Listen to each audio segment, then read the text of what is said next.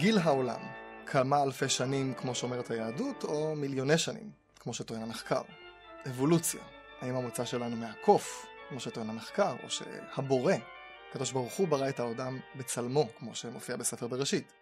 ביקורת המקרא, האם חמישה חומשי תורה הם דבר האלוקים בלי עריכות של בני אדם, ואת הכל כתב משה רבנו, כמו שחז"ל אומרים, או שחלקים שונים נכתבו בתקופות מאוחרות יותר, בידי אנשים שונים ועורכים שונים. את כל השאלות האלה מכנים דת ומדע. דת מול מדע. בנושאים שהזכרתי, גיל העולם, אבולוציה, ביקורת המקרא, כבר דנו כל כך הרבה אנשים, ו- ועדיין דנים, ונכתבו, ונכתבים מאמרים, והרבה הרבה תשובות שמורות את הדרך לנבוכים. אבל כשאני נתקלתי בסתירות לכאורה בנושאים לשוניים בין המסורת היהודית, כלומר דברי חז"ל, ובין מה שהמחקר טוען, מצאתי את עצמי נבוך, מצאתי את עצמי לבד. למשל, האם העברית היא השפה הראשונה בעולם, ובה דיברו עד מגדל בבל, כמו שכתוב בתורה, בהתאם לדברי חז"ל, או שהעברית התפתחה משפות אחרות, והיא בעצם לא השפה הראשונה בעולם, כמו שטוען המחקר. כאן מצאתי דממה, ואת הדממה הזאת באתי להפר. אתם על קולולושה? מתחילים.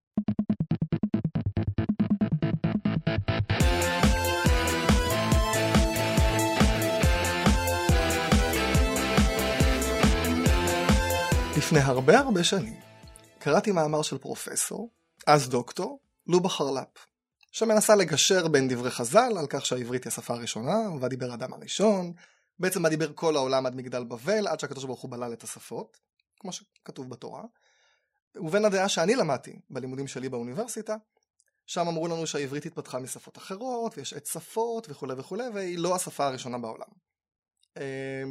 לובה חרל"פ גם הייתה היחידה שניסתה לגשר בין הדעה של חז"ל שהעברית היא שפה אלוהית, ובין דעת המחקר שהעברית היא שפה ככל השפות בעולם, והיא שפה הסכמית. הסכמית הכוונה שבני אדם הסכימו על, על המילים, למשל, הרהיט שניצב על ארבע רגליים, מה שנקרא שולחן. האם הוא יותר שולחן בעברית מאשר טייבל באנגלית? האם הוא יותר שולחן מאשר טאווילה בערבית או מכל שפה אחרת? זאת אומרת, מה הופך את המוצר הזה לדווקא יותר שולחן מאשר מילים אחרות בשפות אחרות? היו לי עוד סתירות לכאורה בין המחקר למסורת, והחלטתי לנסות בהסכת הזה להשיב על חלק מהן, בעזרת, מי אם לא, פרופסור לובה חרל"פ בעצמה. שלום, מה שלומך? שלום ירעם, נחמד להיות כאן. כן, נחמד שאת פה. אני עוד אגיב על עניין הסתירות לכאורה, אבל בינתיים... אני גם אמרתי לכאורה, נכון, אנחנו נדבר על עוד דברים, לא רק על סתירות. אוקיי, אוקיי. את רוצה להציג את עצמך? אה, תודה. אז uh, כפי שאמרת, אה, לא אמרת. עוד לא אמרתי. Uh, אבל אמרת שאנחנו מכירים שנים הרבה? עוד לא אמרתי. עוד הנה, לא? עכשיו תגידי. כן, אז אנחנו מכירים הרבה שנים. נפגשנו לראשונה באוניברסיטת בר אילן. נכון. אמנם לא השתתפת אצלי באיזשהו קורס uh, למיטב זיכרוני, לא. אבל צערי. אני זוכרת אותנו עומדים... במסדרונות. בשבילים, כן. במסדרונות, ומדברים בדברים ברומו של עולם, והיה נכון. תמיד נעים איתך. נכון. ואז, לאחר שנים, כאשר אחרי שעזבתי את אוניברסיטת בר אילן והגעתי למכללת ליפשיץ, ופתחתי שם את המרכז ללימודי הטקסט, וחשבתי על מורה לקורס אה, יסודות הלשון ותורת הניקוד, אז עלה זיכרונך בפניי, והזמנתי אותך... ומאז הכל היסטוריה. להורות אצלנו, ואנחנו מאוד uh, מתכבדים בך אצלנו במוסד שלנו. אני מסמיק פה, אבל לא רואים. בסדר, תודה, תודה. אני בעצם מלמדת בעוד שתי מכללות. השנה אני התחלתי ללמד במכללת אורות ישראל בתואר השני, בקמפוס רחובות, ואני כבר כמה שנים מלמדת בחוג לשפה וספרות אה, עברית באקדמיית אל-קאסמי, בבאקה אל-גרבייה. אה, אני גם קשורה למכון מופת, בעיקר בתחום של עברית אה, כשפה נוספת. את מומחית לדקדוק ימי עברית, כן. ימי הביניים. תחום המחקר שלי הוא בעצם, תחום המחקר העיקרי שלי הוא תולדות הדקדוק בימי הביניים, הוא פרשנות פילולוגית, כפי שקוראים לזה. מה זה פילולוגית? לשונית. פילולוג זה אוהב לשון, אז אני בהחלט מאוהבי הלשון, כן. וגם מי שמאזין להסכת כנראה. ונפסיק איתי, נתחיל בעניינים. בעניינים, זהו. אנחנו לא נדבר רק על הסתירות, דיברתי סתירות כן. סתירות, אנחנו נדבר גם על, למשל, המשמעות של המונח לשון הקודש, זה שם נרדף לעברית, בכלל, מה היו השמות לעברית לפני שהיא קיבלה את השם עברית, שאינו מופיע במקרא, תתפלאו. נדבר גם על הגישה המסורתית היהודית לעומת הגישה הקראית בעניין סימני הניקוד והטעמים. אם נגיע לזה. נגיע, נגיע. ניתנו מסיני או שהתפתחו מאוחר יותר, נדבר על נוסח, קצת על נוסח המקרא וגם על קרוא וכתיב. טוב, נפתח בנושא הראשון. אבל רגע, רגע, רגע, אירם, תרשה לי להגיב איזו תגובה קצרה כן. על העניין של סתירות וסתירות לכאורה. Mm-hmm. אני לא מרגישה כל כך נוח כאן לפתור סתירות. אמ, אני הייתי מעדיפה לקרוא לזה, אני בכל אופן במאמר שציינת, שכתבתי לפני שנים הרבה, אמ, זה היה מאמר בבדד על אה, המושג לשון הקודש. כן. ואז באמת אה, ניסיתי אה, להראות, אז זהו, אז אני חושבת שלא כל כך עניין אותי לגשר בין, כפי שאמרת בפתיח, לא עניין אותי כל כך לגשר בין שתי התפיסות, תפיסת המדע ותפיסת חז"ל, כי כל אחת עומדת לעצמה, אתה יודע, כל אחת באה עם עולם הערכים שלה. אני לא רוצה להישמע, להישמע כאן אפולוגטית או אחת ששואפת להרמוניזציה. בעצם הרצון שלי אז היה להראות את נקודות החיכוך. ואגב כך, כאשר באתי בעצם להאיר את נקודות החיכוך ולחדד את העמדות השונות. וגם לצמצם אותן. זו מול זו. יצא שבעצם הם הצטמצמו קצת, mm. או קצת הרבה, תכף נראה. כן, אולי טוב, זה יעלה מתוך הכתובים. אבל המגמה היא לא לגשר בין הסתירות, אם בכלל יש סתירות. נכון.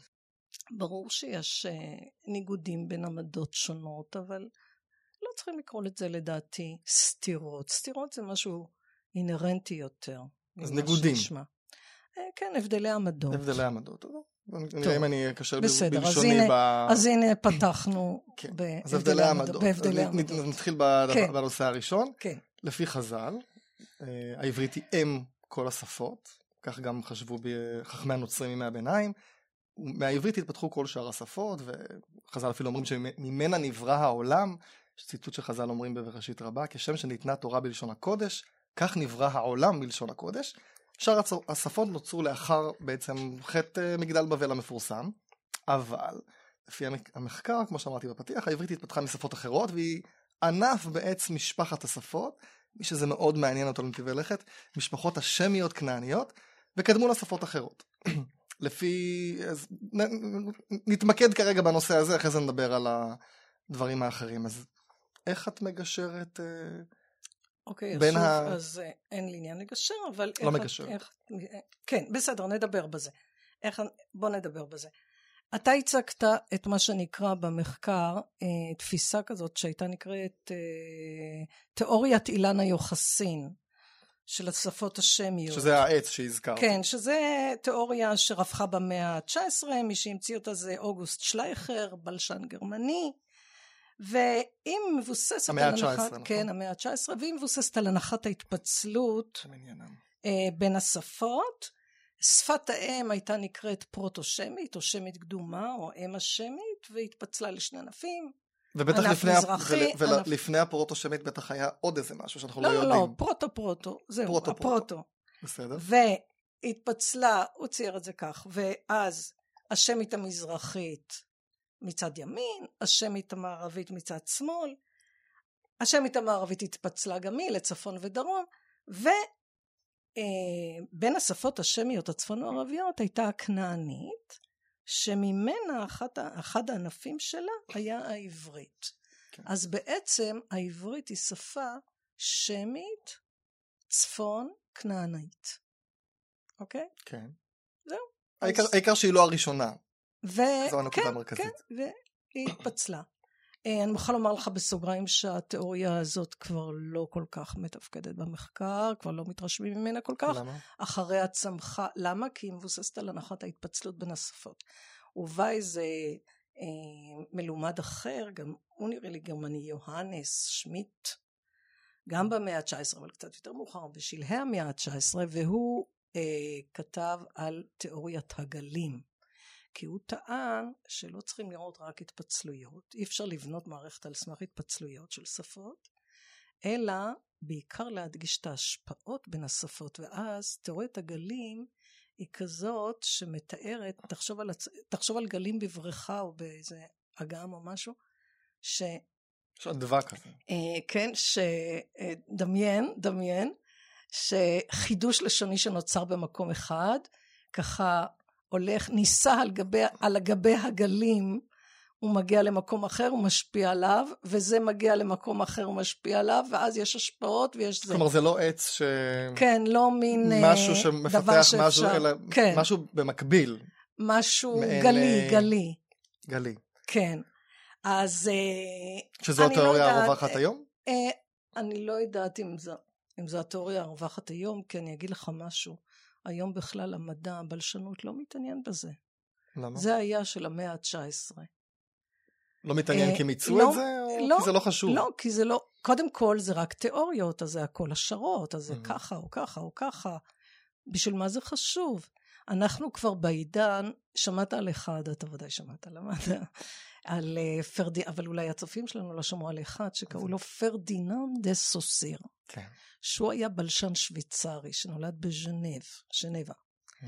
והוא בעצם נקרא אבי הבלשנות המודרנית, גם הוא במאה ה-19. אפילו נפטר, אני חושבת, קצת בכמה שנים, כבר במאה ה-20, אם אני לא טועה. והוא אה, בעצם אה, נקרא אבי הבלשנות המודרנית, והוא בעצם מתווה את הדרך היום במחקר, במחקר של הבלש... במחקר הבלשני.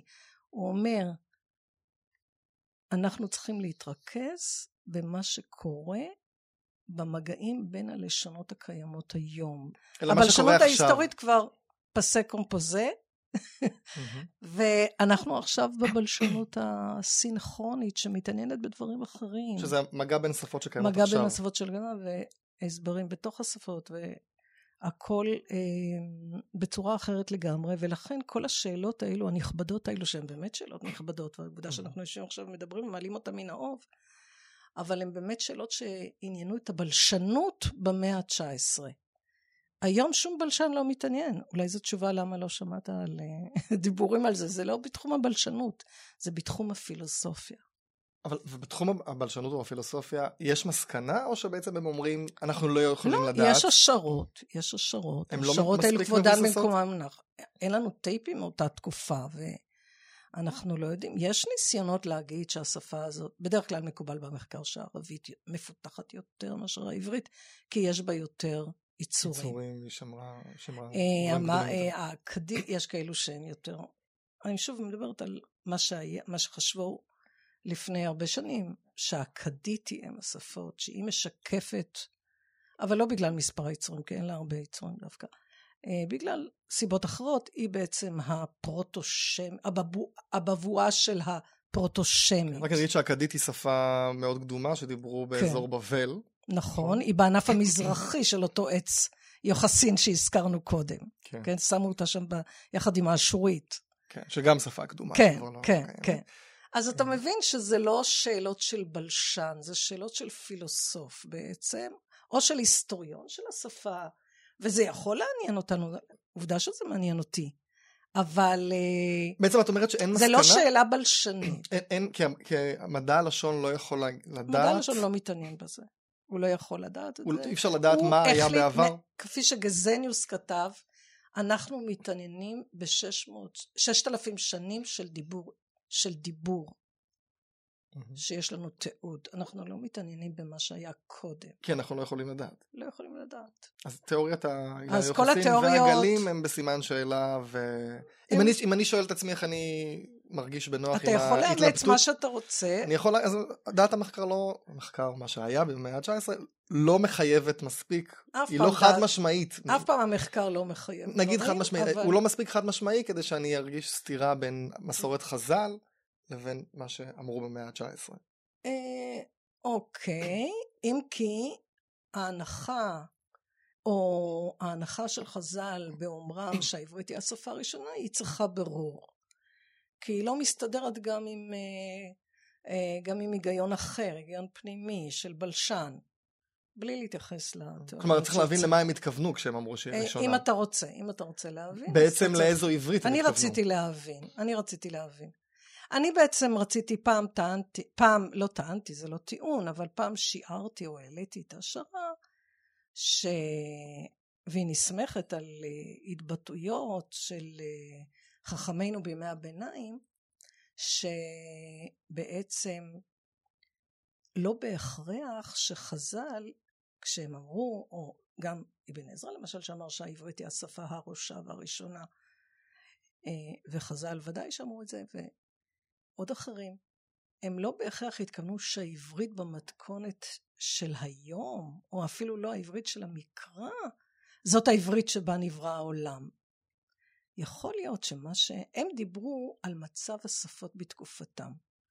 יכול להיות שמה שהם התכוונו, שהם אמרו לשון הקודש שבה נברא העולם, כן, מכאן שנברא, לשון, מכאן שנברא העולם בלשון הקודש, אה, הם אולי הם התכוונו גלגול הפרוטושמי, אם אני אאמץ את המושג. כלומר, לעברית הקדומה, קדומה, קדומה, קדומה, קדומה. שהיא, שממנה התגלגלה העברית. ולא העברית כן. שאנחנו מכירים היום, או לשון חז"ל עצמה, כי זה גם לא נשמע, זה לא, בוא נאמר, אה, היום אני לא מדברת אותה עברית שדיברתי לפני 40 שנה, ובוודאי לא העברית שדיברו אבותיי לפני 100 שנה. ולא אותה עברית שדיברו אה, התנאים בתקופת המשנה לפני 1,800 שנה, וגם, וודאי לא בעברית המקראית שדיברו לפני אלפי שנים. כן, עברית מתפתחת, כמו כל שפה. אז, כן, והחכמים שלנו מודים בזה. אז הלכתי הלאה ואמרתי, אז אולי מה שהם אמרו, הם התכוונו לגלגולים הקדומים של העברית. אז זהו, אז אני ראיתי שאבן עזרא, למעשה גם הרמב"ן, אבל הנה נביא את הפסוק באבן עזרא שבפירושו הוא אומר את זה, הוא אומר שהעברית בישעיהו י"ט י"ח על הפסוק ביום ההוא. יהיו חמש ערים בארץ מצרים מדברות שפת כנען ונשבעות להשם צבאות אז הוא אומר מכאן על שפת כנען כן אני לא מצטט אותו בדיוק אבל הוא אומר מכאן שהעברית היא לשון כנען או משהו כזה כן אז uh, אגב, הרמב"ן אומר את זה על הפסוק. הנה, מזה נלמוד, כי הכנענים בלשון הקודש כן. היו מדברים. אה, יופי, יופי, יופי. כן, כן. בדיוק הציטוט. אה, גם הרמב"ן אומר את זה בפירושו בראשית מימי י"ב, כאשר יוסף אה, רוצה להביא עדות לאחיו שהוא, שהוא עברי, אז הוא אומר, אחת, ה, אחת ההוכחות שהוא מציג, כפי המדבר אליכם. כן, בבראשית. ואז, כן, ואז אה, אונקלוס אומר, אונקלוס מפרש מכאן שהוא דיבר, רוצה להראות להם שהוא מדבר איתם בלשון הקודש, וזו הוכחה לעבריותו של יוסף. Mm-hmm. אבל אבן עזרא מתנגד, הוא אומר, מה הרבותא? רמב"ן. אה, רמב"ן, כן. כן, אנחנו עכשיו אצל רמב"ן. נכון. הוא אומר, הוא מתנגד, הוא אומר, מה הרבותא? לא אומר מה הרבותא, אבל, נכון. ב, אבל בעברית. פחות או יותר. כי איננה ראייה שידבר אדם כן. אחד במצרים בלשון הקודש, כי על דעתי כן. הוא שפת כנען, ורבים בדיוק, במצרים יודעים אותו, כי קרוב הוא. על דעתי הוא שפת כנען, כי קרוב הוא. זאת אומרת, העברית היא ניב כנעני בעצם. ולא בושה לומר את זה. מה את רוצה להגיד מזה שבעצם חז"ל, כמו שאמרת, חז"ל דיברו אה, על, על, כן. על העברית שהיא לשון זה הכל. נתן לי, כן, זה נתן לי השראה לומר מה שאמרתי קודם. שהעברית היא בעצם, או לשון הקודש, מה שקוראים לה אחר כך יותר מאוחר, היא בעצם שפה כנענית, פרוטושמית, אחת מהענפים בתוך משפחת השפות. ואין אין שום אה, בעיה לומר את זה בעצם.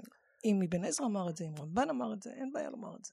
פה קצת חיברת אותי לשאלה השנייה שרציתי לשאול, האם העברית היא שפה אלוהית או הסכמית? בעצם, כן. ב... מעין ענית על זה, כלומר לפי חז"ל העברית היא שפה אלוהית. כן, ו... חז"ל, אה, ואגב גם אבן עזרא. נכון. ששואל, בספרו שפה ברורה, הוא אומר, איזו היא השפה הראשה מכל הלשונות? וזאת לשון הקודש, זאת העברית. נכון? אני לא מצטטת כן, כן. בדיוק, נכון, אבל פחות או יותר. פחות יותר. כן, אני אהבתי את השימוש שלו במילה הראשה. איזו הלשון ראשה לכל הלשונות. הראשה. מכאן אה, רואים שההמצאה של האקדמיה ללשון שהתחילה, וגם אני משתמשת בזה, אני קוראת לעצמי ראשת המרכז ללימודי הטקסט. כן. ואולי פעם תהיה גם ראשת הממשלה, כבר הייתה בעצם, אבל כשהיא נכון. הייתה היא הייתה ראש, אבל כן. אולי עכשיו תהיה ראשה. אה, בלי השתמעויות פוליטיות כמובן. כן. אז אה, זה אולי, זה, זה בא מכאן, כי אנחנו רואים שזה מחכב, ב, לא מחכב, אבל נמצ, מוצאים את זה ב, בספרות ימי הביניים. אבל איפה היינו קודם? לפני הראשה? העברית היא הראשה לכל הלשונות, כן? וחז"ל, המדרש שכולם מסתמכים עליו, הוא באמת מדרש יפהפה שגם רש"י מביא אותו, על הפסוק, על המילה, על הפירוש שלו על אה, האישה כמאיש לוקה, לוק, לוקה חזות. כן. אה, אז אומר, אומרים חז"ל, מדרש יפיפה בבראשית רבה, מהמאה החמישית הש... השישית, אולי כדאי שנקרא אותו? כן, תקראי. טוב, אז על הפסוק בבראשית ב' כ"ג, לזאת תקרא אישה כי מאיש לו ככה זאת. אז אה, אומרים חז"ל, מכאן אתה למד שניתנה התורה בלשון הקודש. רבי פנחס ורבי חלקיה בשם רבי סימון, כשם שניתנה בלשון הקודש, כך, כשם שניתנה התורה בלשון הקודש, כך נברא העולם בלשון הקודש. זאת אומרת, העברית היא השפה הראשונה שבה נברא העולם. ולמה? בואו נראה את ההוכחות שלהם. שמעת מימיך אומר גיני גיני? עכשיו ביוונית גיני זה אישה. היום מדברים הרבה על, מיזוג... על מיזוגנים, נכון? נכון. שנאת נשים, מיזוגניה שנאת נשים. אז גיני זה אישה. אבל אתה רואה שאין זכר שנקרא גיני או משהו דומה. אין הזכר, אה, כפי שחז"ל אומרים, אך אין הזכר נגזר מזה. אלא, נדמה לי שביוונית זה, אה, הזכר זה אנדרוס. לא יודע. עכשיו אה, עוד, עוד אה, המשך, אית, ראית מימיך איתה, איתתה? זאת אומרת, איתתה זה, זה אישה בארמית, כן, עוברים מיוונית לארמית, אבל האם האיש נקרא איתה? מה פתאום? אין הזכר נגזר כן, מזה. נכון. איך אומרים זכר בארמית? זה אתה יודע? גברא, גבר. כן. אנתרופי, חוזרים ליוונית, אנתרופי, אנתרופיה? אנתרופי ביוונית, אנתרופי זה אדם. האם גם אומרים אנתרופיה? לא. זאת אומרת, הנקבה לא נגזרת. אין הנקבה נגזרת מזה. Mm-hmm. ועוברים שוב לארמית. גברא, גבירתא, בארמית גברא זה איש, אמרנו את זה. אך אין הנקבה נגזרת מזה, אלא איתתא, כפי שאמרנו. כן. אז בכל השפות רואים שאיש ואישה, דברים שהם אה, בזוגות, כמו שאומרים. זה לא הולך ביחד. הם לא נגזרים מאותו שורש, ואין להם גם דמיון צלילי. נכון. איפה יש כן? המשך המדרש, אלא איש ואישה. למה? שהלשון הזה נופל על הלשון הזה. וזה מבראשית רבה, פרשה י"ח ד'. כן. עכשיו, זה באמת מדרש מכונן, כי זה עומד על זה שהקשר הסמנטי בין המילים, המילים שמשקפות סימנים קרובים בטבע או במציאות, אה, העברית מצליחה להכיל את הקשר הזה. יש את הקלאס, אדם אדמה, ונוח נכון, ינחמנו, כן, וקין קניתי, נכון, ונכון. אבל כאן המדרש הזה... שזה באמת רק בעברית. כן, אבל המדרש הזה גם הביא לך דוגמאות יפות, נכון. בהנגדה ליוונית ולארמית, שהן היו השפות המתחרות אז. אה, אז אה, ודאי שזה מאוד נעים. אגב, על הקשר בין איש ואישה נכתבו, נשברו כמה קולמוסים. כן, שזה לא בדיוק, אבל... איש זה שורש א' י' ש', ואישה זה א' עם דגש בשין, אז זה א' נ' ש'. נכון, אבל הכוונה לדמיון. צלילי, זה לא כן, מחייב שיתכוונו לשורש המדויק. כן, אנחנו יודעים שיש uh, מערכת של איש אישים, ויש מערכת uh, מקבילה של אישה, שזה אינטה אנוש, אנשים. כן. זה, זה, אני לא רואה בזה סתירה שהשורש הוא לא... ויסוד א' א' ש', כפי שאמרת יפה, זה אה, אה, נמצא בשניהם. נכון. בש, ב, בשתי ההתפצלות, נכון. בשני, כן, בשתי זה, המערכות זה בסדר, הללו. זה פחות מפריע לי. אפשר, וחוץ מזה, אפשר גם לומר שהם לא התכוונו לעניין של שורשים, הם, הם רצו כן, לבטא את הדמיון הצלילי. לשון נופל על לשון. לשון נופל על לשון, כן, זה ממש אומרים את זה. זה משהו סגנוני, זה לא נכון. משהו צורני. אז אה, בין כך ובין כך, אנחנו באמת יכולים להתפעל מהעברית שהצליחה לעשות את זה. טוב, אתה יכול להגיד לי שגם ב... שהיא שפה אלוהית בעצם, אם, אם הכל כל כך אה, זה, בא מזה, אדם, אדמה, איש, אישה, אז, אז זה כן שפה אלוהית, כשהמחקר אומר שהיא שפה הסכמית. או, אתה מכניס אותנו עכשיו לסיפור חדש, או לא חדש, אבל כן, לסיפור עוד, עוד שמתגלגל, נושא, כן, כן. בהחלט יש קשר בין הדברים. Uh, הזכרנו קודם את, הפילוס... את הבלשן פרדיננד דיסוסיר, mm-hmm. אז אחד החידושים שלו, חוץ מזה שהוא תמך בעניין הסינכרוני, במחקר הסינכרוני, אז הוא גם אה, טען ש... טען שכל לשון היא הסכמית, ולא רק הסכמית, אלא שרירותית. להסביר משהו? אמ, הסכמית ושרירותית, מה ההבדל ביניהם? אוקיי. הסכמית זה שבני אדם מסכימים על מילה מסוימת. קודם כל, אולי נאמר ככה, היו, עד, זאת אומרת, בעולם העתיק, היו אה, שלוש גישות בעצם. הייתה הגישה... גישות במה? בשאלה מה? בשאלה אה, על אה, אה, איך מתהוות לשון. Mm-hmm. אה, הגישה של אה, אפלטון למשל, הייתה שהעברי, שהלשון, אנחנו כבר לא מדברים על העברית, שהלשון היא מן הטבע. מה זה אומר? זאת אומרת, הייתה לו איזה, אי אפשר עכשיו להיכנס לזה, אבל אה, תפיסת האידאות, שהוא טען ש... כל מילה מבטאת איזה אידאה במציאות, רעיון במציאות, והמילים הן באמת אה, כאילו עולות מן הטבע של הדברים. אה, אפשר להוכיח את זה היום רק מן המילים האונומטופאיות. שזה המילים, כן, שמשקפות הצליל, כמו זמזם, קשקש, רשרש, בקבוק, בקבוק בק, נכון. כן. וגם כל מיני קולות מן הטבע, כמו קוריקו, ו... אה, זו באמת ש... קבוצה מאוד מאוד מצומצמת. כן, אבל. באמת זו קבוצה מצומצמת, והבעיה היא שלא בכל השפות, לא בכל השפות שומעים אותו זמזום ואותו רשרוש. כן, קוקוריקו בכל שריקה, שפה זה משהו כי, אחר. אה, לפחות זה דומה. אבל למשל שרק וויסטל באנגלית זה לא בדיוק. אה. Mm. אז אה, יש בזה בעיות, אבל בכל אופן, זה רק קצה קצהו של הקרחון של מה שהוא אומר. הוא בעצם דיבר על אה, תפיסה מאוד מאוד מעמיקה ומעניינת. אה, השקפה אחרת הייתה מה שראינו, תפיסת חז"ל, שחז"ל גם השתלבו בתפיסה הזאת כמובן, שהלשון היא מן האל.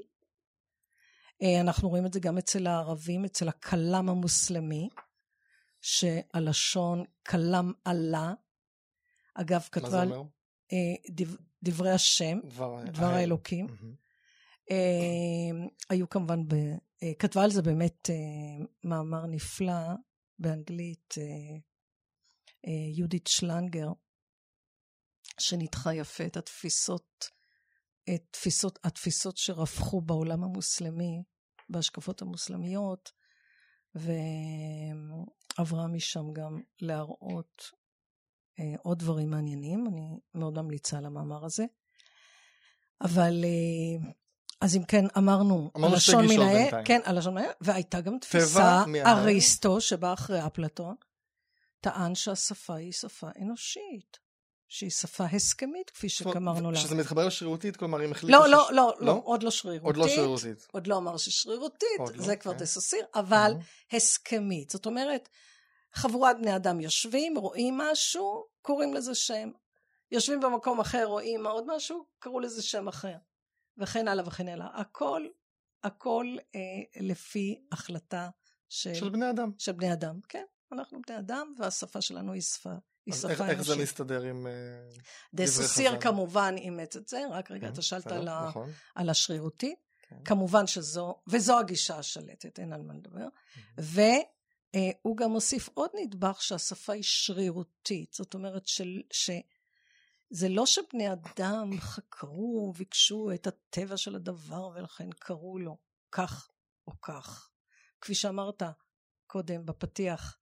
על השולחן. אה, כן, על שולחן. אצלנו קראו לזה שולחן בעברית שלנו, ובאנגלית זה table, ובצרפתית table, בשפות ההודו-אירופיות.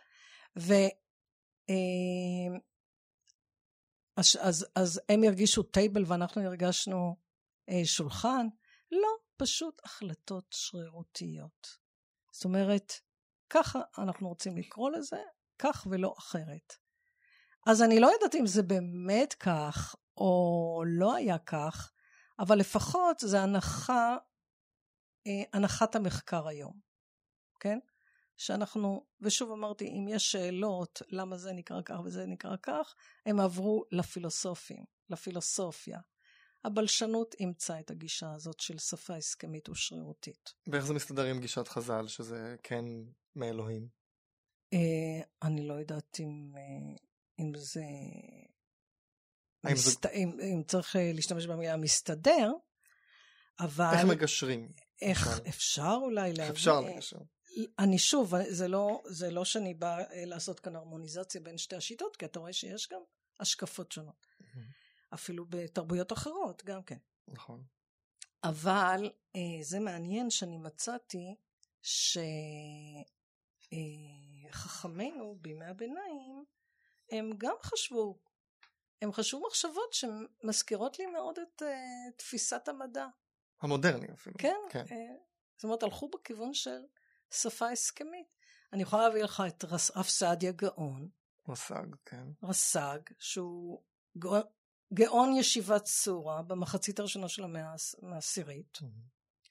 והוא, אה, אחרי שהוא משבח, במקום אחר הוא משבח מאוד את העברית, לשון הקודש, אשר בחר בו אלוקינו אה, מלאך, אה, זאת אומרת, הלשון היא הלשון הנבחרת, והייתה, ליוותה אותנו בכל הדורות, כן, כן, כן, אבל במקור אחר, בספר הדקדוק, ספר צחות לשון העבריים, אז הוא...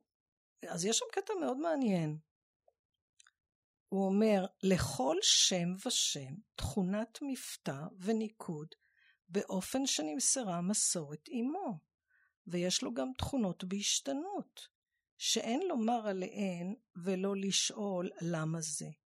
והראיה של בני האדם היא הסכמה. והסכימו עליה וקבעו לכל נמצא שם כדי שתגיע אלינו ידיעת הדברים הנמצאים. כלומר, זה בעצם אומר שזו לא הסכמה. לא בגלל משמעות כלשהי, זה כמובן בתרגום ערבית, אה, מהדורה דותן. לא בגלל משמעות כלשהי המחייבת לכל דבר ודבר את שמו, לא. ולמה? הוא ממשיך ואומר, נותן תשובה לכל השאלות שהעלית קודם. Mm-hmm. ואילו היה כך, היה הכרח שיחזרו כל, כל האנשים כולם מלשון אחת. אם באמת הקשר הוא כל כך טבעי בין העצמים ובין השמות, אז כולם, כל השפות... בין המסומן לבין המסמן, זה שוב, זה מילים של זה ססיר. נכון. אמ, אני אומרת, אה, אה, אז הנה הוא, הוא נותן לך ממש דברים ממש אה, בעצם בפירוש. זה מעין רס"ג יוצא נגד גישת חז"ל, שזה מעניין בפני עצמו. אני לא הוא... חושבת שהוא יוצא נגד חז"ל, אבל כי כאמור הוא גם משבח את השפה. נכון. אבל כאן הקטע הזה, וזה ממשיך, כדאי לקרוא את ההמשך, זה בספר צחות, מי שמתעניין מהמאזינים שלנו, ספר צחות לשון העברים פרק ד', מהדורה דותן, כרך ב' עמוד 416. אז יש בה קטע שלם שממש אה, אתה חושב שדסו סיר כתב אותו. וזה רב סעדיה גם במאה העשירית. אז זה מאוד מעניין. מאוד מעניין. יכול להיות שהוא הושפע מהזרם המועטזילה. ואת מרגישה שזה מסתדר לך עם גישת חז"ל? או שבעצם פה אנחנו רואים גישות שונות בחז"ל, אם, אם אני מותח את גבולות של המילה לא, חז"ל. לא, אני, אני חושבת חז"ל. שחז"ל התייחסו למשהו אחר, לקשר הסמנטי בין השמות הראשוניים, ורצו לשבח את העברית, ורצו להראות שהיא לשון מאוד משובחת, ואפילו הראשה. אבל כפי שאמרתי, בפרקטיקה, אז הלשון שלנו אם, אה, אם נעזוב את מה שקרה בבריאת העולם, ומי ברא, איך ברא, באיזו שפה ברא, אז בפרקטיקה, רב סעדיה גאון, וגם אחרים, הם מודים שהעברית היא אה, שפה שמתפתחת, היא כמו כל שפה. באמת הגדיל לעשות רב סעדיה גאון שממש... כן, זה באמת אה, מקור מדהים. כן, מקור מדהים. עכשיו דיברנו על לשון הקודש. אם העברית כן. היא הסכמית והיא התפתחה וכולי וכולי, למה היא מוגדרת לשון הקודש? מה, מה קדוש בה בעצם, אם היא לא... מה, מה ההסברים על לשון הקודש? יש כמה גישות כן. בהסבר כן. של המונח הזה שחז"ל אומרים. כן. את יודעת מה רגע לפני לשון הקודש? העברית שלנו היא עברית, יש כן. עוד שם לשון הקודש. מה השמות הקדומים, אחרי זה נדבר על לשון הקודש. אה, אבל אתה יודע את התשובה. כן, אני, העברית אני, לא, אני מרים להנחתה. אתה זוכר מהלימודים שלך, שהעברית לא נכתב, שהמילה עברית לא מוצאים אותה בתנ"ך. נכון, מה כן מוצאים בתנ"ך? ראינו לפני שנייה בתנ"ך, מקודם. שפת כנען. אה, שפת כנען, יופי, וגם יהודית. אתה זוכר יהודית. את הסיפור על רב שקד? כן, בחומה שם. שר צבא אה, אשור, שבא לכבור, לצור על ירושלים. כן, מלכים ב' אה, י"ח כ"ו, או ישעיה ל"ו י"א. נכון, שני מקורות מקבילים. ואז אומר לו רוצה שאני אקריא את הפסוק? אוקיי, תגיד, תגיד. אנשי חזקיהו לא רוצים שהעם ישמע את דברי הנאצה של רב שקה, אז הם אומרים לו... אולי דברי ההפחדה גם.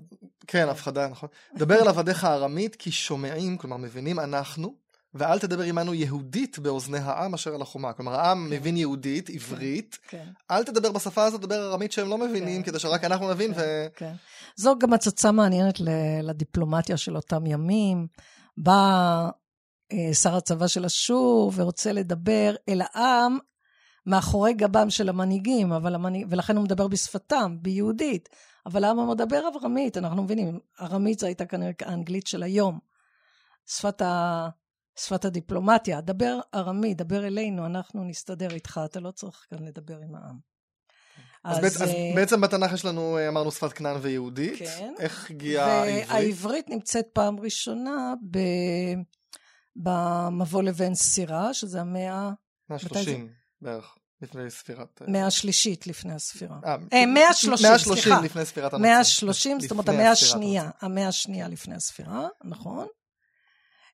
שם מופיעה המילה עברית. יש גם בספר היובלים, גם כן, יש שם כתוב עברית. יפה. ולשון הקודש זה בעצם חז"ל. לשון הקודש זה אצל חז"ל ואצל התרגומים הארמיים. קוצ'ה לישנה.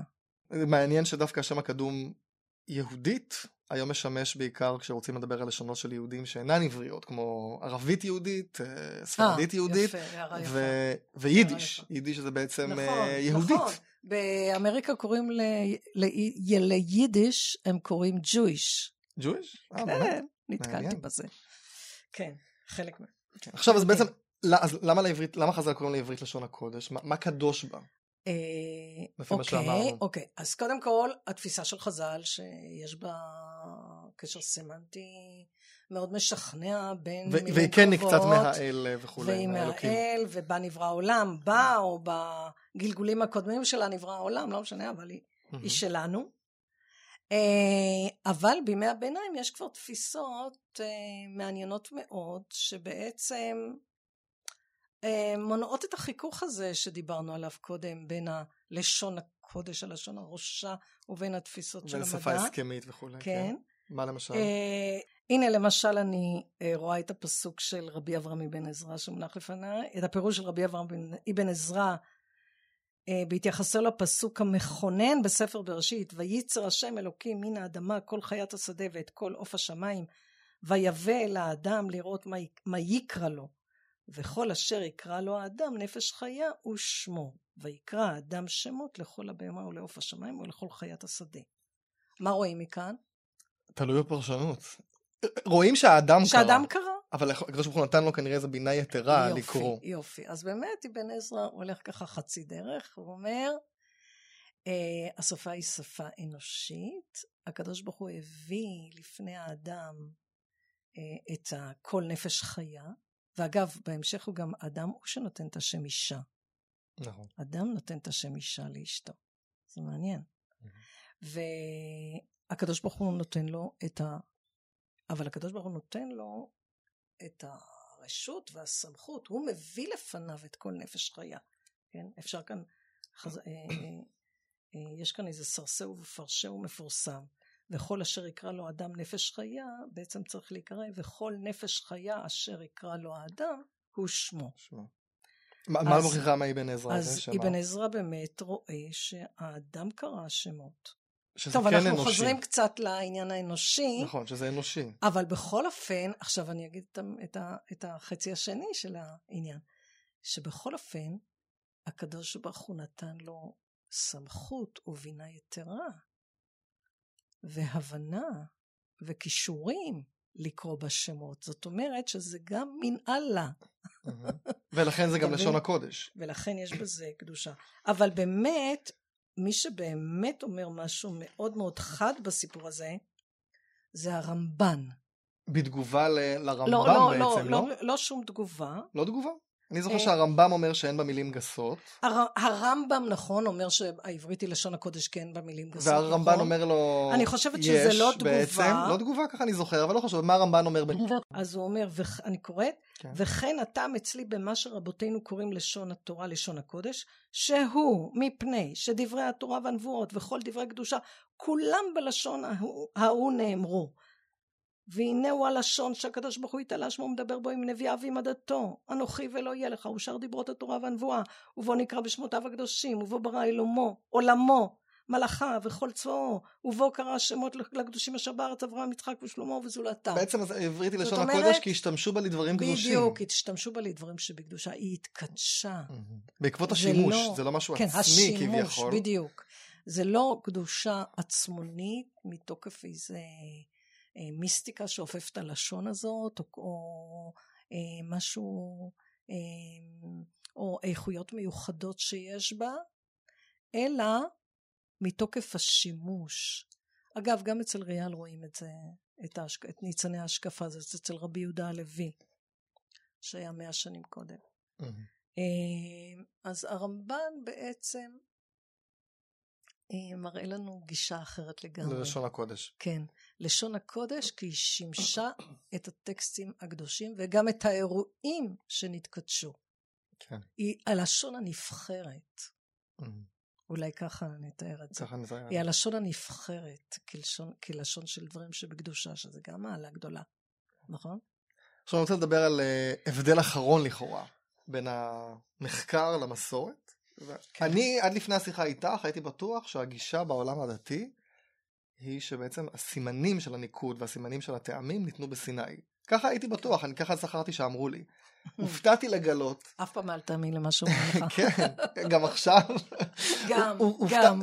ולי בראש הייתה סתירה בין דעת המחקר שאומרת שהסימנים של הניקוד והסימנים של הטעמים הם בעצם הרבה יותר מאוחרים, ובין הגישה הרבנית נקרא לזה שאומרת שלא, זה מסיני. ואת הפכת לי פתאום את הראש, כן, כן. ואמרת לי לא, מה פתאום, מה שהרבנים, או התפיסה היהודית, דווקא בהלימה עם המחקר. התפיסה הרבנית, התלמודית. התלמודית, היא בהלימה כן. למחקר, ודווקא הקראים אומרים משהו אחר. כן. בואי כן. בוא נדבר על זה טיפה. כן, אז uh, שים לב, אתה עובר לנושא אחר. נכון. לנוסח המקודש, שזה ודאי uh, חלק מהעניין של הלשון.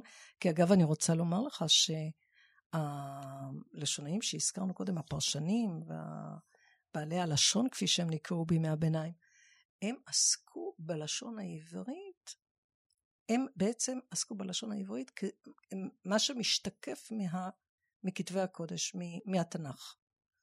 זאת אומרת, לשון המשנה והתלמודים לא נחשבה בעיניהם לשון לחקור אותה או להתייחס אליה או ללמוד ממנה איך לדבר. וכל הדקדוק שלנו מבוסס על אה, המקרא או נוסח המסורה של המקרא, המסורה התבוני. כפי שהתגבש במאות השביעית התשיעית. כן, המסורת הוורדית דיברנו בהסכת אחר עם דוקטור כן. גבריאל בירנבאום. מצוין. אז, אה, אז בעצם אתה עובר לדבר עכשיו על, ה, על המצע הלשוני שלנו, שהוא התנ"ך.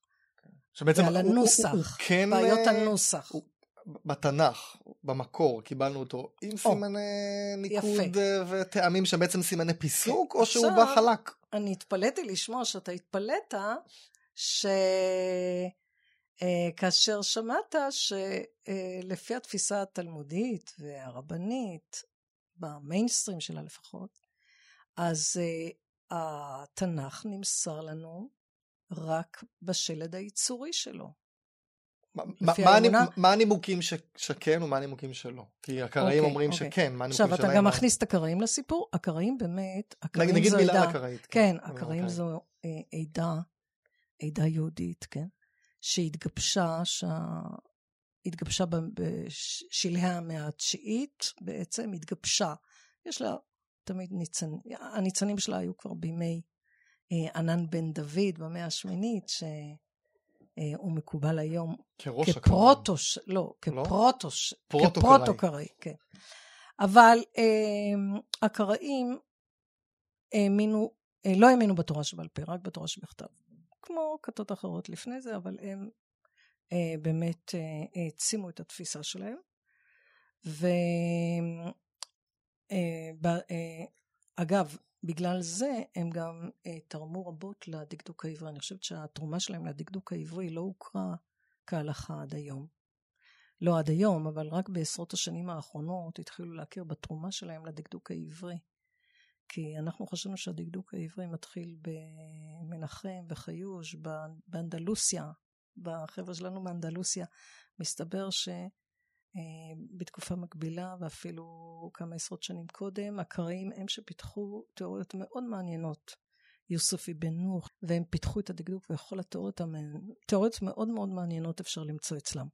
עכשיו, בקשר ליחסם של הקראים, שהאמינו רק בתורה שבכתב ולא בתורה שבעל פה, אז הקראים טענו, מה שאתה חשבת שזו הגישה הרבנית, mm-hmm. הם טענו שהטקסט הקדוש, אני אקרא לזה הטקסט הקדוש, נמסר בסיני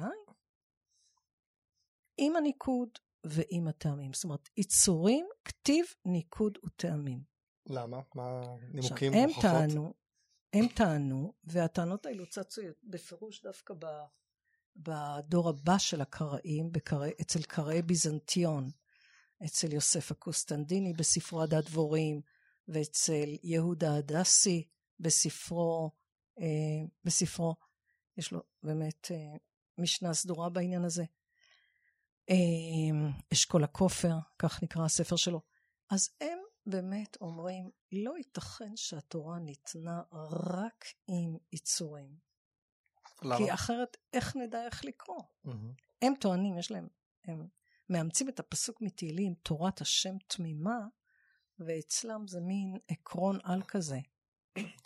תורת השם תמימה, התורה ניתנה שלמה. שלמה. תמה, שלמה. כן. זאת אומרת, אין היגיון למסור טקסט שאין בו ניקוד. כן, גם אי אפשר, אי אפשר בעצם, אתה לא יכול למסור משהו שהוא לא משהו. איך תדע, הם אומרים, איך תדע להבחין בין גליתי לגיליתי, mm-hmm. אם זה לא מנוקד. כן. איך תדע להבחין בין... אה, אוקיי. גם בקשר לטעמים. זכר וזכר, שנדבר על זה עוד מעט. זכר וזכר, לא הם אומרים, אבל כן, נכון, אבל, אבל זה גם דוגמה. כן, זה, זה יכול אה, להשתלב בעסק הזה. זה. זאת אומרת, הם טוענים גם טענה אמונית, תורת השם תמימה, וגם טענה פרק, טענות פרקטיות. אי אפשר להבין, יש להם עוד כל מיני טענות. נגיד עוד טענה אחת למשל, שאין מחלוקת באשר לשמות של סימני הניקוד אה, והטעמים. כן, כן. אה, זו טענה קצת חלשה, אוקיי, אבל זו טענה. לא, זו טענה שכל דבר שהתחדש, הוא אומר, אומר קוסטנדיני, כל דבר שהתחדש בלשון, אז יש עליו מחלוקת. וכאן הוא אומר, לא מצאנו מחלוקת בקשר לסימני הטעמים. לכן זה קדום מאוד. זה... האמת היא שהוא לא צודק, זו טענה באמת חלשה, כי הוא מתעלם מזה שלמשל, בקשר לניקוד, כפי שהראית בהסכת קודם, יש שלוש שיטות ניקוד. נכון, וגם על אז כן יש מחלוקת. יש גם שמות אז יש מחלוקות, כן, מחלוקות. יש מחלוקות. אז יש להם עוד הוכחות. לא רציתי אפילו להזכיר את הטענה הזאת. הטענה המרכזית שלהם שקשה אה, להניח, קשה לקבל טקסט בלי, לא מנוקד. אתה לא יודע מה הכוונה, אתה יכול אה, לפרשן אותו בהמון צורות, כן? באי, באה, באה, גיליתי, גליתי, אמרתי כבר. מה הדעה התלמודית בעצם אומרת? התלמוד, קודם כל, הוא לא אומר. שזה מדברים... מוכיח משהו שהוא לא אומר. לא, אצלו גם. זה ברור, זה ברור. אה, וזה מעניין. אנחנו רק יכולים להניח מתוך כל מיני מחלוקות וכל מיני אה, סוגיות שאנחנו דולים אצלו, ממנו, אנחנו יכולים אה, באמת להבין שבאמת לא היה ספר בר סמכה בתקופת התלמוד, כי המסורה התברנית התגבשה אחרי חתימת התלמוד, במאה השישית. והתחילה, שישית, שביעית, שביעית בעצם, אומר uh, יבין, מ-600, מהמאה השביעית, המסורה התברנית הייתה מ-700 עד 900, או אפילו יותר. אהרון בן אשר כבר חי במאה העשירית. מי זה אהרון בן אשר? אהרון בן אשר זה בעל המסורה החשוב, הנקדן והמסרן של הכתר. שבעצם ממנו אנחנו ש... שותים שאנחנו, עד היום, פחות כן, או יותר. כן, שאנחנו מעריכים את זה. זה באמת באשמת הרמב"ם שהוא אה, אימץ את ספר התורה של אהרון בן אשר ואמר ש... שכנראה היה קראי, וזה ידיו עליו, כן, כנראה זה היה ספר טוב. אה, עבודה טובה הוא עשה שם. אה, אבל אם לחזור להשקפה התלמודית, שזה לפני פעילות בעלי המסורה, או לפני החתימה של הפעילות הזאת ודאי, אז באמת רואים שלא היה איזה ספר שאמרו, נייטי ספר ונחזה, כן? נביא ספר ונסתכל. נביא ספר ונסתכל איך כתוב. הם מתחילים, בכל מיני סוגיות הם מתחילים להתפלפל, האם כתוב כאן סוכות, סמך כ"ת, או סוכות סמ"ו כ"ו. כלומר, הכתיב כתוב חסר, ולא יודעים האם זה כן. רבים או יחיד נגיד. או אה, ואם זה זכר. שמה צריך פרשנות מסוימת, אולי הם חשבו שזה סוכות או סוכת. אבל הנה, יש לי דוגמה, אה, נזכרתי בדוגמה טובה יותר. אה, יש להם התפלפלות סביב המילה שין, התיבה שין בית עין יוד מם. האם לקרוא את זה שבעים או שבועיים. זה בהקשר לאישה אחרי לידת אה, נקבה, האם היא צריכה להיטמא במשך שבועיים, ארבע עשר יום, או שבעים יום. תשמע, זה הבדל גדול. כן. אז uh, התלמידים שם מתפלפלים, האם זה שבועיים או שבעים, אז רואים... כלומר, אילו, אילו היו מקבלים את זה מנוקד, כן, אחר כך הם, אז לא הייתה מחלוקת. אחר כך הם נסמכו על איזו מסורת שהייתה בידיהם, וזה רק שבועיים, לא שבעים. אז להירגע. אז uh, uh, בכל אופן, ולא הייתה להם, ולא היה משהו מוצק כתוב. אה, אולי המחלוקת הכי ידועה שהיא מסמלת את כל, ה, את כל הערפל הזה סביב אה, הקריאה של הכתובים, זה הסיפור על המילה אה, זכר.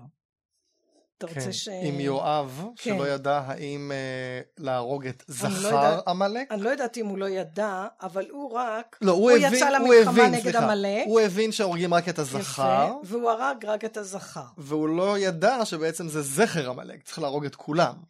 ככה המדרש מבין. ככה הוא טען לפחות. נכון, אז, וזאת... ככה הוא טען כן. על זה שהוא קרא שבאו בטענות שם גם אל הרף שלו.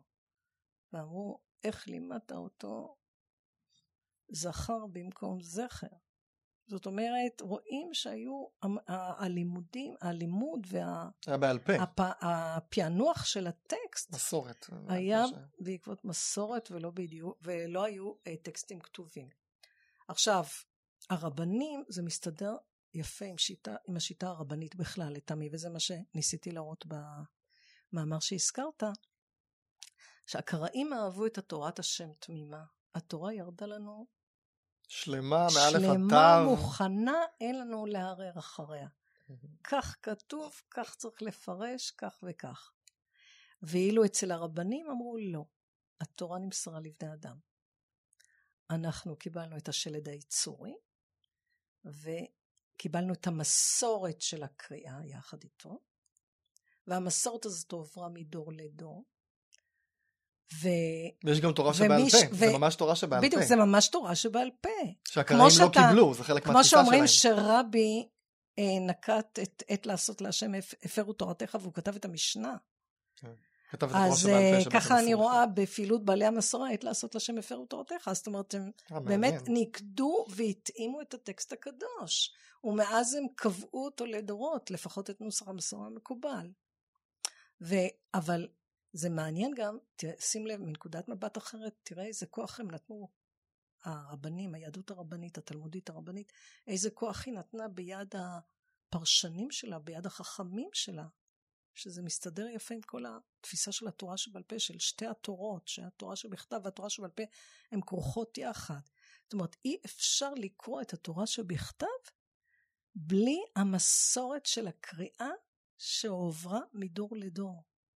תורה שבעל פה. זה התורה שבעל פה של הקריאה. כן. אז זה מאוד מעניין.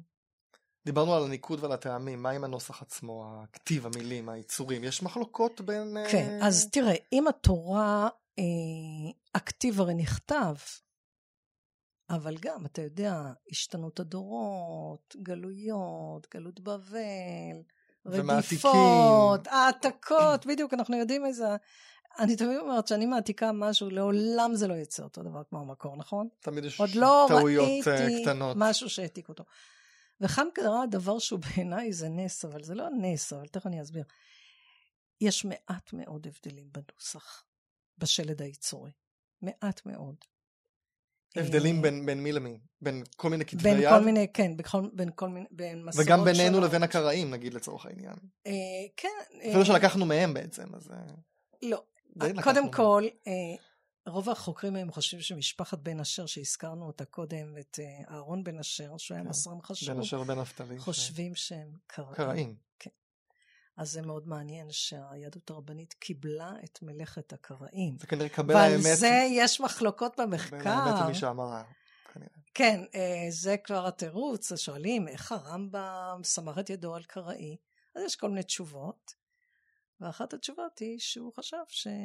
הוא באמת שימר את קבל הנוסח הכי האמת טוב. מ- כן. ממי שאמרה, כן. העריך אה, בעל מלאכה מוצלח.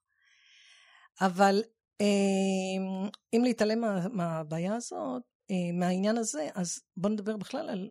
שאלת אם יש הבדלי נוסח, אז יש מעטים. יש הבדלים של מה? נגיד... אה, יש- תני דוגמה להבדלים קטנים שאת אומרת. מה זה קטנים? קודם כל יש הבדלים, רוב ההבדלים שיש הם בכתיב המלא והחסר. כלומר, האם סוכות כותבים בדיוק, בו' או בלי ו', ו', או אה, עולם, לוחות אה, כן, וכולי. כן. אז זה לא הבדלים משמעותיים, לפחות, אתה יודע מה, אני נזכרת עכשיו איזושהי בן עזרא, אה, ממש לא אהב להתייחס, הוא אמר, וכל, אה, אמר, כתיב מלא, ההבדלי הכתיב המלא, והחסר הם רק לתינוק, זה ציטוט, רק לתינוקות טעמיהם טובים הם.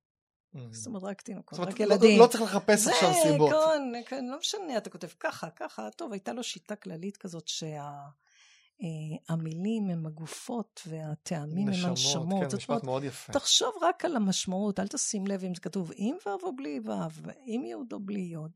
אז אה, זו תפיסה אחת, אבל נכון, רוב, רוב, זה, רוב ההבדלים היו בקשר למלא וחסר, יש מעט הבדלים שהם בסגנון של, אה, מסיבות של לשון נקייה, ישגלנה, ישכבנה, יש הבדלים, זה קשור לקרוא וכתיב בעצם? כן, זה קשור.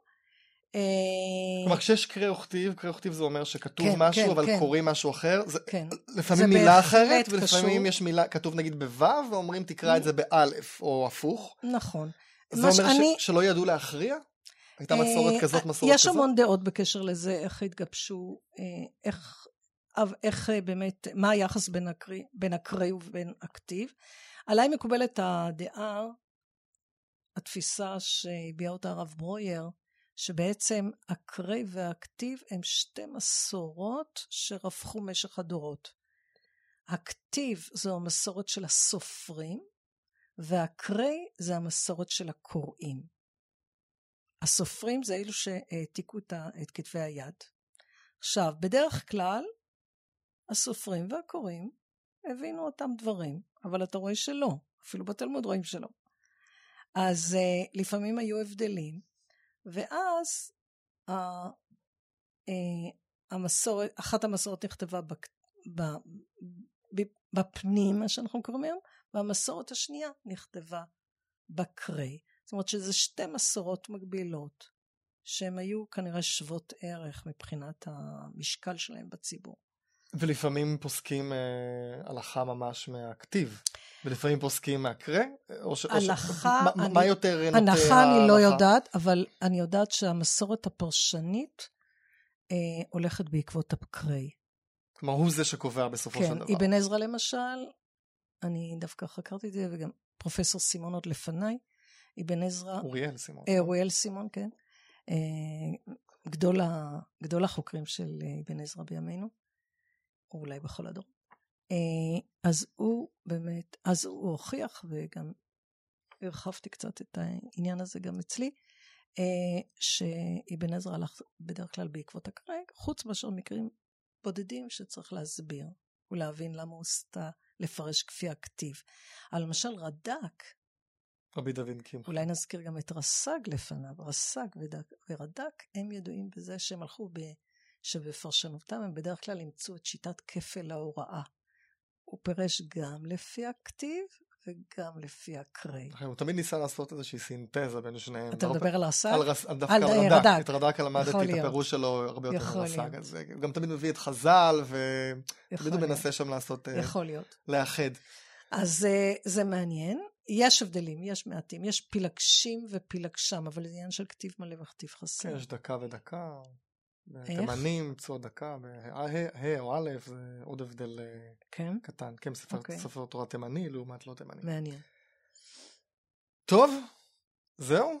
זהו. היה מאוד מעניין. זהו. נכון. אבל לא פתרנו סתירות. אמ, תראי, א', צמצמנו אותם מאוד. העמקנו בהן, העמקנו בהן. ואידך זיל גמור, אגב ארמית. אה, תודה רבה. צריך לציין שלא כל יום אדם אה, מראיין את המנהלת שלו. אז אה, זה מיוחד בפני עצמו. אני לא אוהבת להיות המנהלת שלך, אני עמיתה לא שלך. לא אמרתי בוסית. טוב, עמיתה. עמיתה, עמיתה בוסית, סתם. ועמית חביב מאוד יש לי, כן. וגם מצליח מאוד. ותודה שהזמנת אותי. בשמחה. ו... אני רק אגיד לך שיש לי עוד uh, מעין כן. uh, לבטים בין כן. דבר המחקר לדבר כן. חזה, למשל נושא של הכתב העברי. Okay. כלומר, אוקיי. האם הכתב שלנו הוא הכתב, לוחות הברית שבו ניתנו, ניתנו הלוחות. כן, כן, ניתנו בכתב שאנחנו כותבים. מ' וסמך שבלוחות בנס כן, היומדות. הכתב של ספר תורה היום כן. זה הכתב של הלוחות, כן. המחקר אומר ש... שלא. כן. בחז"ל יש גם כן גישות שלו, אז זה נושא גם כן ששווה לדבר עליו, אז זה נושא להסכת נפרד. אה, ובכלל לדבר על ההיסטוריה של הכתב העברי מאז ועד היום. תודה רבה רבה רבה רבה. ושוב תודה לך והרבה הצלחה. תודה, ועד כאן קולולושה, את הסכתים הקודמים אתם יכולים למצוא גם באתר לשון ידע, שמכיל עוד הרבה הרבה מידע מאוד מעניין על עולם השון, וגם אני אוסיף שם כישורים למאמרים שהוזכרו כאן. ואתם מוזמנים להצטרף לקבוצת הפייסבוק של קולולושה, אפשר לדון שם בהסכת, להציע רעיונות להסכתים הבאים, ובכלל לדון בענייני לשון, פשוט תחפשו בפייסבוק קולולושה. אני רם נתניהו מאולפן מט"ח, המרכז לטכנולוגיה חינוכית. אה, כל טוב בינתיים. שלום.